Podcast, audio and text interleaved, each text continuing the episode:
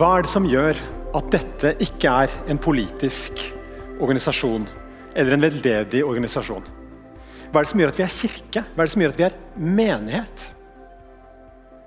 Det kan være noen sånne likhetstrekk. Hvis det kom noen fra Mars eller fra eh, Sverige og tok en, eh, en sånn sosiologisk undersøkelse av hva det er som foregår her. Liksom bare prøve å observere det, så ser de at ja, de synger sammen. Det er en mer eller mindre inspirerende tale som er der framme.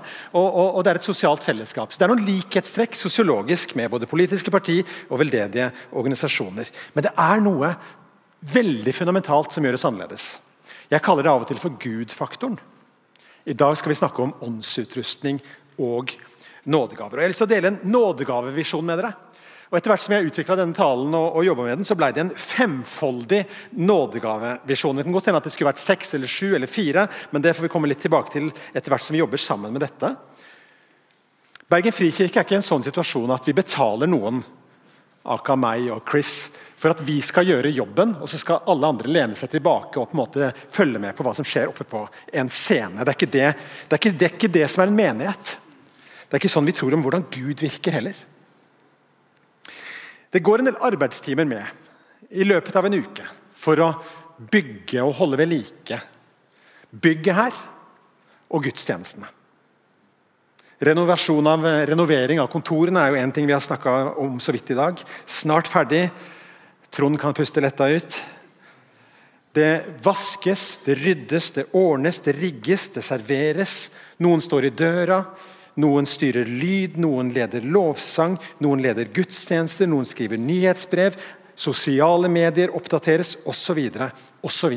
Alt dette bare for å gjennomføre gudstjenester og holde bygget ved like. Så vet vi jo det, at kirke er så mye mer enn bygget. Kirke er så mye mer enn bare gudstjenestene.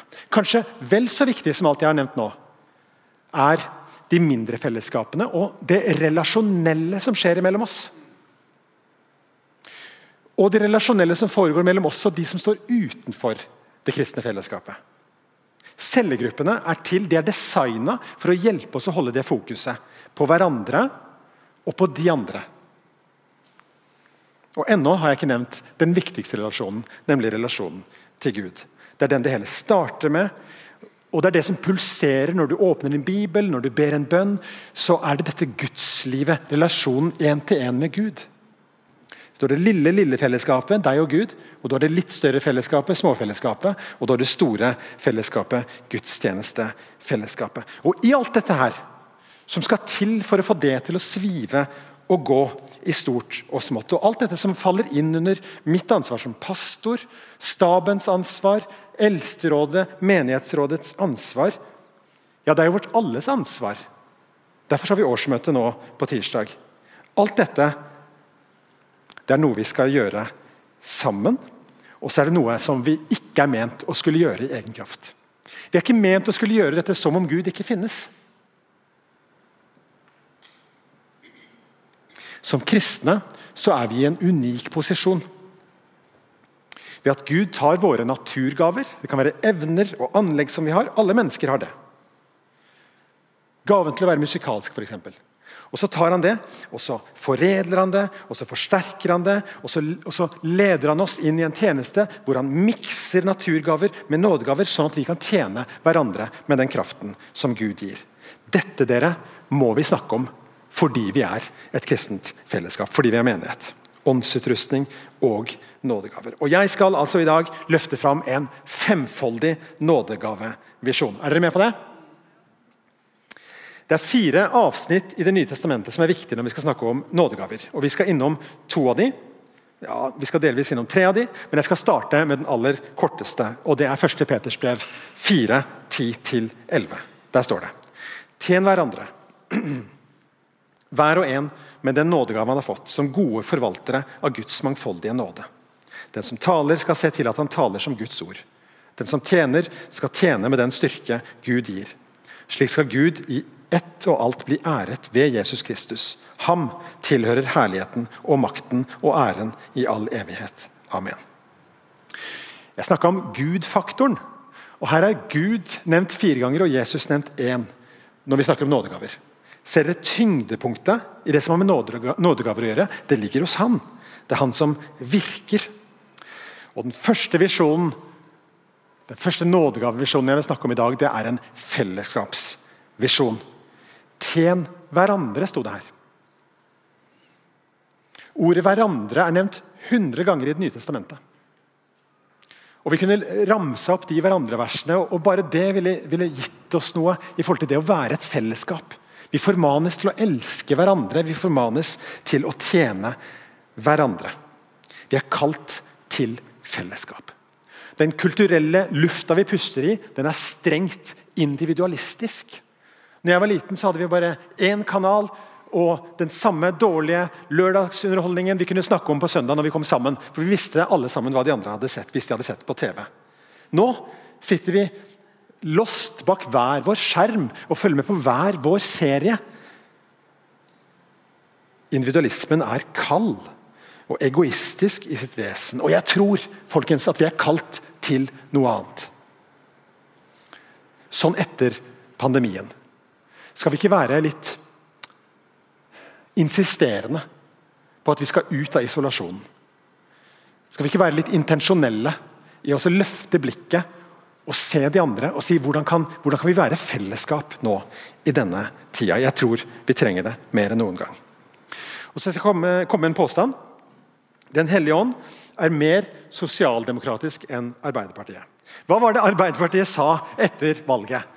Eller hva var det de sa under valget, som hadde blitt mobba for etter valget? Nå er det vanlige folks tur. Og Det samme, bare enda sterkere, sa Den hellige ånd for 2000 år siden. Hør på dette. Pinsedag. De unge skal se syn, de gamle skal drømme drømmer. Selv over mine slaver og slavekvinner vil jeg i de dager øse ut min ånd, og de skal tale profetisk.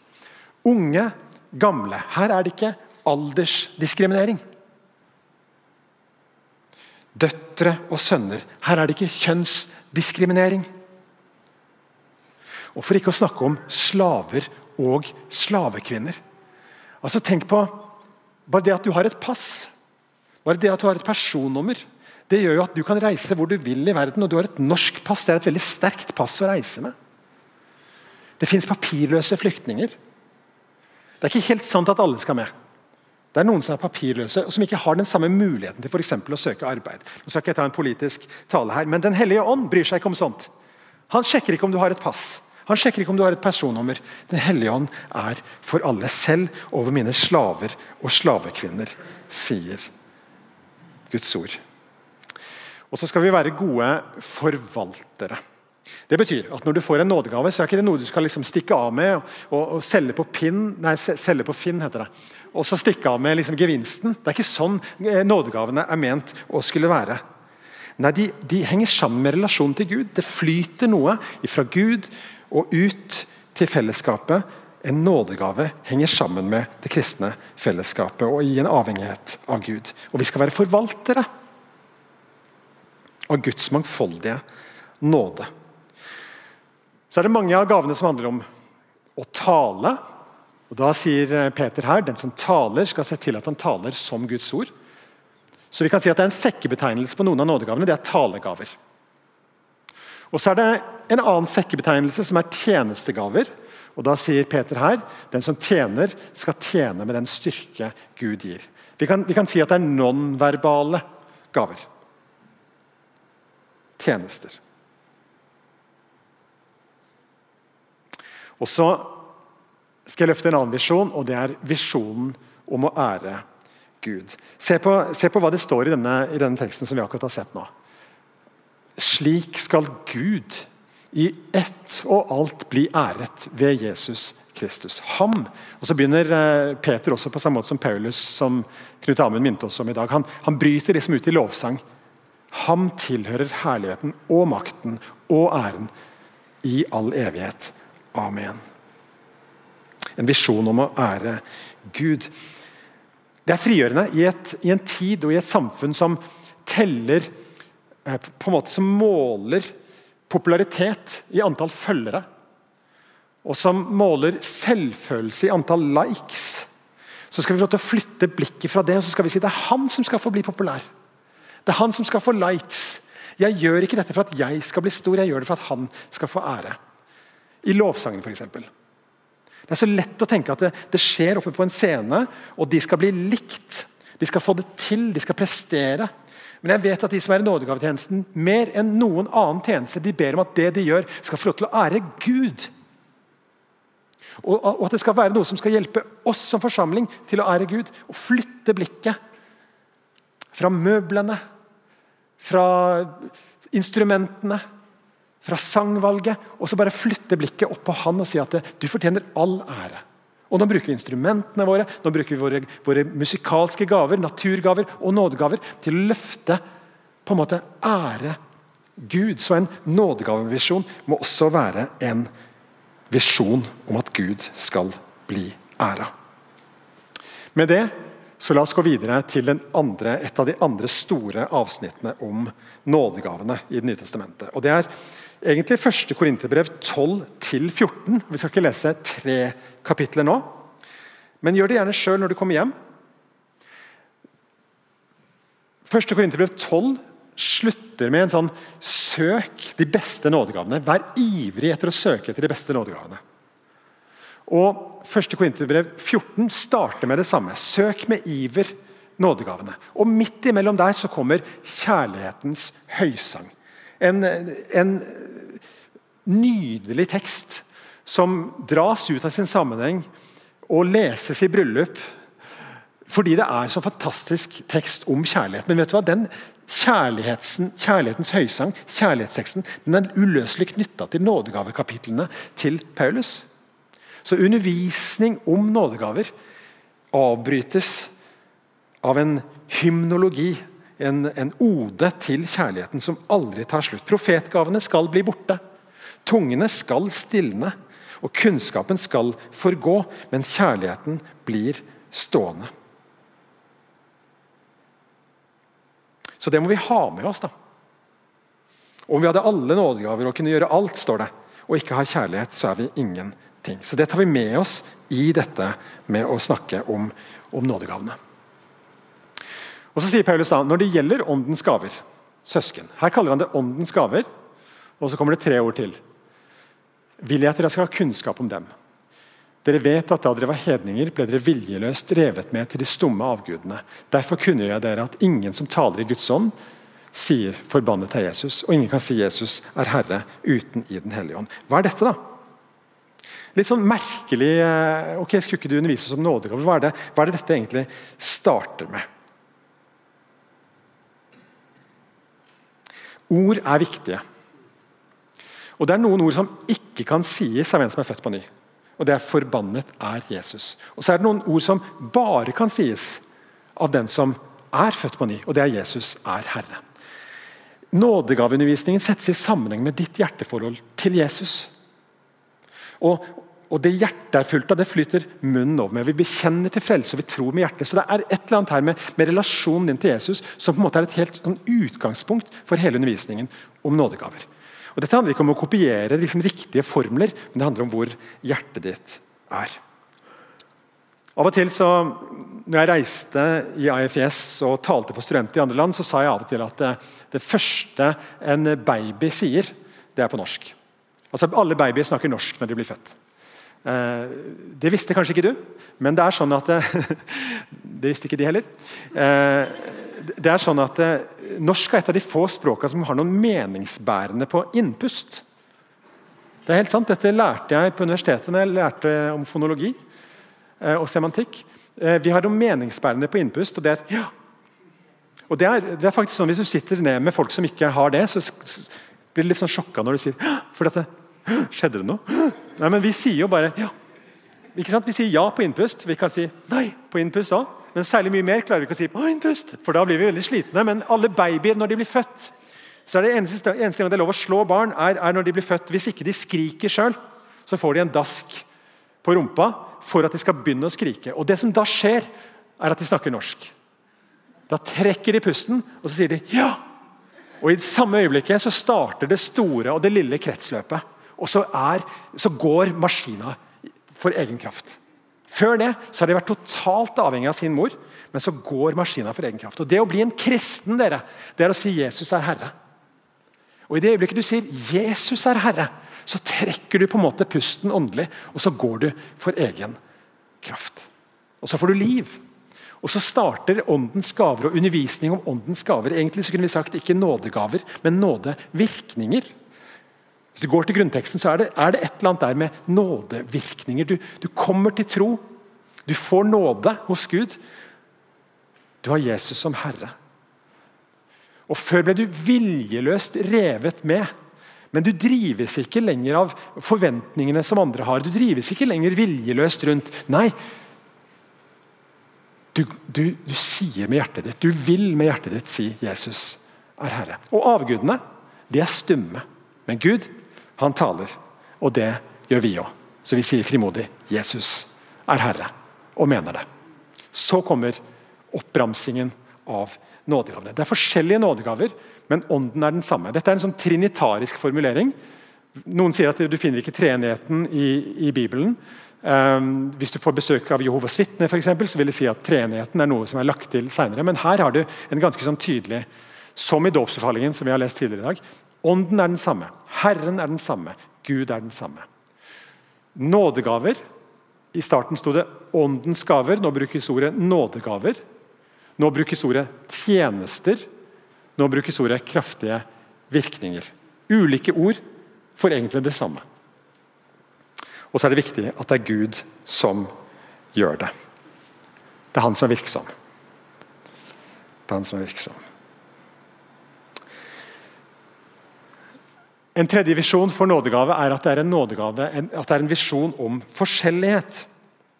Og og Hvis jeg hadde spurt deg hva står i 1. Korinterbrev 12, så er det veldig mange av dere som kanskje ville sagt, tatt sånn, ja, det er det der om kroppen.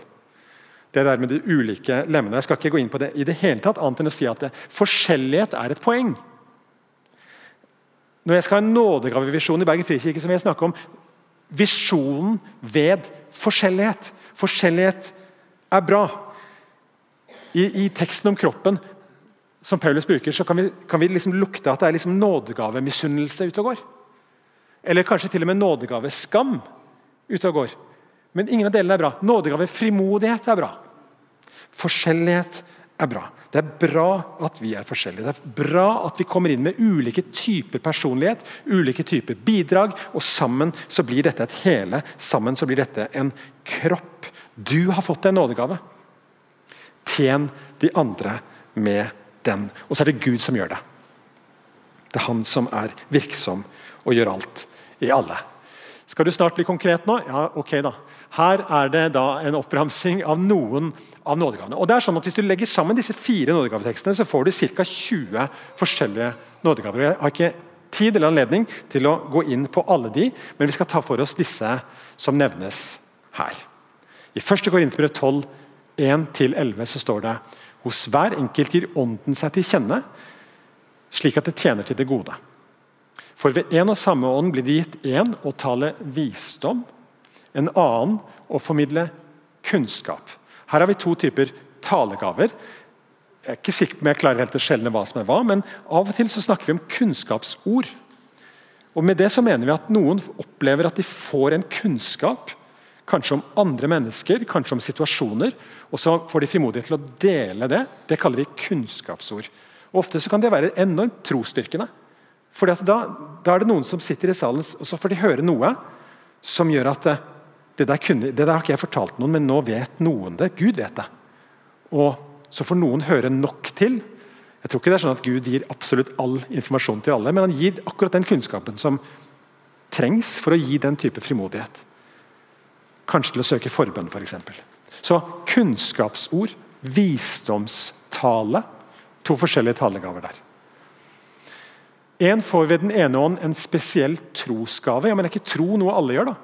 Er ikke tro selve inngangsporten til å komme til Gud?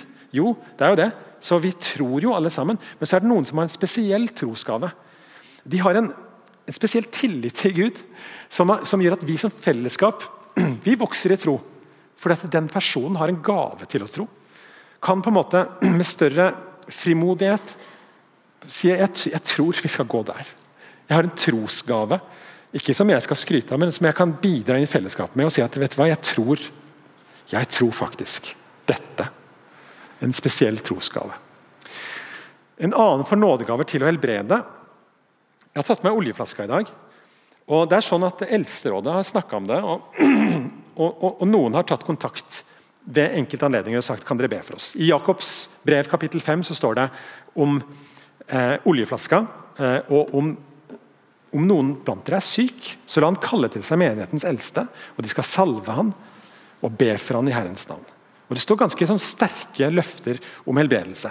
Det er ikke sånn, Selv om de er så sterke de løftene at jeg alltid ser helbredelsen når jeg ber for folk og salver folk på den måten, men jeg har sett det skje. Og det gir meg frimodighet. Jeg tenker at alle kan be for folk. Eldsteråd kan gjerne kalles inn fordi det står om det i Jakob 5. Akkurat som det står at vi skal døpe, så står det noe om en tjeneste der. Men jeg tenker her er det en utvidelse av det. Nådegave til å helbrede. Hvordan vet vi om vi har nådegave til å helbrede hvis ikke vi legger hendene på folk og faktisk ber? Vi må jo bare prøve det. Det har jeg gjort mange ganger, og jeg har faktisk sett noen ganger at folk blir friske. Så det har jeg lyst til å gi dere frimodighet på det, og si at det, det står om denne nådegaven. La oss ta den i bruk sammen med de andre. En får kraft til å gjøre under, ligger litt i samme gate. Under, mirakler. En, en gang eh, når jeg hørte om en helbredelse, så sa jeg til Gud å, jeg vil høre om et mirakel hver dag. Jeg, jeg, tror jeg, jeg, tror ikke jeg, opplevde at jeg har hørt om et mirakel hver dag siden, men, men hver dag den lille oppmuntringen av at, at, Gud gjør noe i et menneskes liv som, som oppleves som et under. Det kan være at noen kommer til tro, det er et mirakel. Det kan være at noen blir født, det er et mirakel. At noen som, som, strever med barnløshet, får barn. Det er et mirakel. Det er mange ting som kan være mirakler, men la oss, la oss regne med Gud, dere. Og være frimodige i bønn. En annen får gave til å tale profetisk. Det er jo en talegave igjen, og, og, og kanskje en sånn opplevelse av at jeg tror Gud minner meg om noe som jeg tror jeg skal dele med alle og tale profetisk. Akkurat denne gaven står det faktisk ganske mye om i kapittel 12 og kapittel 14. Og vi er innom det i kapittel 13 også. Så, så, les gjerne det på egen hånd. Jeg tenker også at dette er viktig. Um, dette, å, dette, å, bli minnet av Gud på noe som, uh, som har betydning for flere. Den som taler profetisk, taler for mennesker til oppmuntring og trøst, står det i kapittel 14. Så la oss La oss ikke snakke ned det. Og la oss ikke være for redde for at dette kanskje kan bli misbrukt eller at det kan bli manipulasjon. Men la oss bruke eh, gaven som Gud gir. Og Vær frimodig hvis du opplever at jeg tror kanskje Gud sier noe. Kom og snakk med oss. Så, så skal det være anledning til å dele det her frammefra. En får ulike slag tungetale, en annen kan tyde tungetale. Når Paulus snakker om tungetale, så virker det som han har lyst til å snakke den ned. Han sier det er den minste av nådegavene. Jeg, jeg snakker mye om tunger, sier Paulus, og jeg skulle ønske dere alle snakka mye mer i tunger enn det dere gjør. Men det er egentlig den minste av, av gavene. Og, og, kanskje En av grunnene til det er at den, den, er ikke så veldig oppbyggelig for så veldig mange andre enn deg sjøl. Og gavene er ment å skulle være oppbyggelig for alle de andre. Så den er der, og den er god å ha i bønneliv, eh, men det er kanskje den minste. Noen hauser den som om det er den største, eh, men jeg tror kanskje Paulus faktisk gjør det motsatte. Alt dette gjør den ene og samme ånd som deler ut sine gaver til hver enkelt slik han vil. Så står det litt i kontrast til slutten av kapittel 12 og starten av kapittel 14, hvor det står 'strev etter de beste nådegavene'. Det er han som deler ut slik som han vil. Det er det jo. Men det er kanskje derfor vi oppfordres til å strebe etter, til å be om, til å søke. Fordi det er han som gjør dette sånn som han vil. Så vi, vi kalles ikke til å være passivt ventende, men vi kalles til å være aktivt søkende de gavene som han har for oss. En nådegavevisjon må handle om å bygge opp menigheten. Det må være en visjon om å bygge opp menigheten. Et ett vers fra kapittel 14. Når dere nå legger så stor vekt på åndsgavene, så søk å bli rike på gaver som bygger opp menigheten. For det er det det handler om.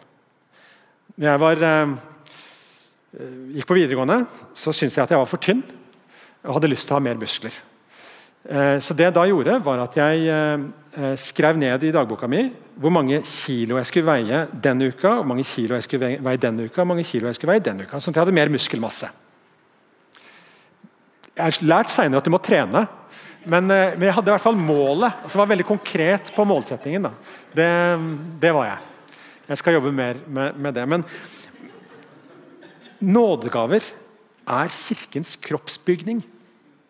Og Det tredje store avsnittet er Efesbrevet 4. Jeg skal ikke gå mye inn på det. Men se på det jeg understreka. Så Kristi kropp bygges opp. Så kroppen vokser og bygges opp i kjærlighet. Det er det som er meningen med nådegavene. Ettersom enhver har fått en nådegave, så tjen hverandre med den som gode forvaltere av Guds mangfoldige nåde, slik at vi kan bli bygd opp. Og så Til slutt så skal jeg snakke om en visjon for de som står utenfor menigheten. Og, og Dette blir nesten litt sært, men det står altså dette i 1. Korinterbrev 14, 24-26. Hør på dette. Om nå hele menigheten kommer sammen, kommer og er samlet, og alle taler i tunger, og utenforstående eller ikke-troende kommer inn, vil de ikke da si at dere er godt for forstanden? Men hvis alle taler profetisk når en av disse kommer inn, da vil han kjenne seg avslørt og dømt av alle. Hans innerste tanker kommer for dagen. Han må kaste seg ned med ansiktet mot jorden, tilbe Gud og bekjenne Gud er sannelig blant dere. Og så tror jeg ikke dette nødvendigvis er en oppskrift, men den lengselen vil jeg ha med i en nådegavevisjon. At de som er utenforstående og ikke-troende, og som kommer inn, enten det er til en gudstjeneste, eller det er i et hjem, eller det handler om praten med naboen over hekken, dine relasjoner At det skal være sånn at han eller hun sier Gud er sannelig blant dere, og begynner å ære og tilbe Han. Er ikke det en bra nådegavevisjon? Hva mener jeg da, søsken? sier Paulus videre. Jo, når dere kommer sammen. Har én en salme, en annen et ord til lærdom. En har en åpenbaring. En har en tungetale. En annen har tydningen. Men la alt tjene til å bygge opp. Og Med det skal jeg avslutte. Og Så er du kanskje like forvirra som før du kom inn, men bare kanskje på et høyere nivå. Jeg vet ikke. Hva er en naturgave? Hva er en nådegave? Ikke alltid så enkelt å skjelne mellom hva som er hva. Og så tror jeg heller ikke at nådegaver er begrensa til de 20 som vi kan lese om i disse fire tekstavsnittene. Det er Noen av dere som er flinke med hendene. Det er noen av dere som er musikalske. Noen er flinke til å formulere seg skriftlig. Ingen av de tingene er gjenspeila i nådegavetekstene. Men jeg tror Gud kan bruke det. Og jeg tror at Når Gud bruker det, så er det en nådegave som han legger sin ånd til og utruster deg til å tjene de andre. Så la Gud få bruke deg. I en formell setting, men også i en uformell setting. Søk inn i fellesskapet, og, og del med hverandre. Og, og, Kom gjerne og si jeg tror kanskje Gud har dette for meg. Denne gaven. Eller kom gjerne og si er det noen oppgaver dere har bruk for at eh, noen skal, skal fylle igjen. Vi trenger folk i søndagsskolen. Vi trenger folk i vertskap. Vi trenger folk i lovsangen. Vi trenger folk i møteledelse. Vi trenger folk til veldig mange forskjellige oppgaver. Så kom gjerne og still deg til disposisjon. Når jeg var liten, så var jeg ganske dårlig i fotball, i tillegg til å være tynn. Og jeg husker, jeg har et sånn barndomsminne som er ganske dårlig. og det er at Jeg var på fotballbanen, det regna, og det kommer en ball som suser skikkelig høy. Og Den kommer ned, og jeg tenker at den kan jeg ta med hodet. Så jeg posisjonerer meg for å ta den med hodet. og så Idet den skal til å lande meg, tenker jeg at den er ganske tung, så jeg flytter meg. Og da ler alle i publikum sånn som dere gjør nå. Helt pinlig. Og så hadde jeg en sånn tendens, jeg, Siden jeg ikke var god i fotball, så var det jo på en måte litt sånn om å gjøre å ikke få ballen. Så jeg gjemte meg.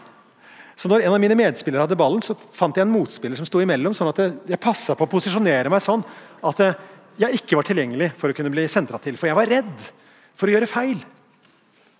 Jeg var redd for å få ballen, for da ville alle se hvor dårlig jeg var i fotball. Jeg er mye bedre nå, men det er ikke det som er viktig. Ikke gjem deg. Ikke vær redd for å gjøre feil, men vær med og posisjoner deg sånn at Gud kan bruke deg. For vi trenger hverandre. Vi er et fellesskap, og Gud er faktoren som gjør at dette er noe annet enn en Rotary-klubb. Vi er menighet.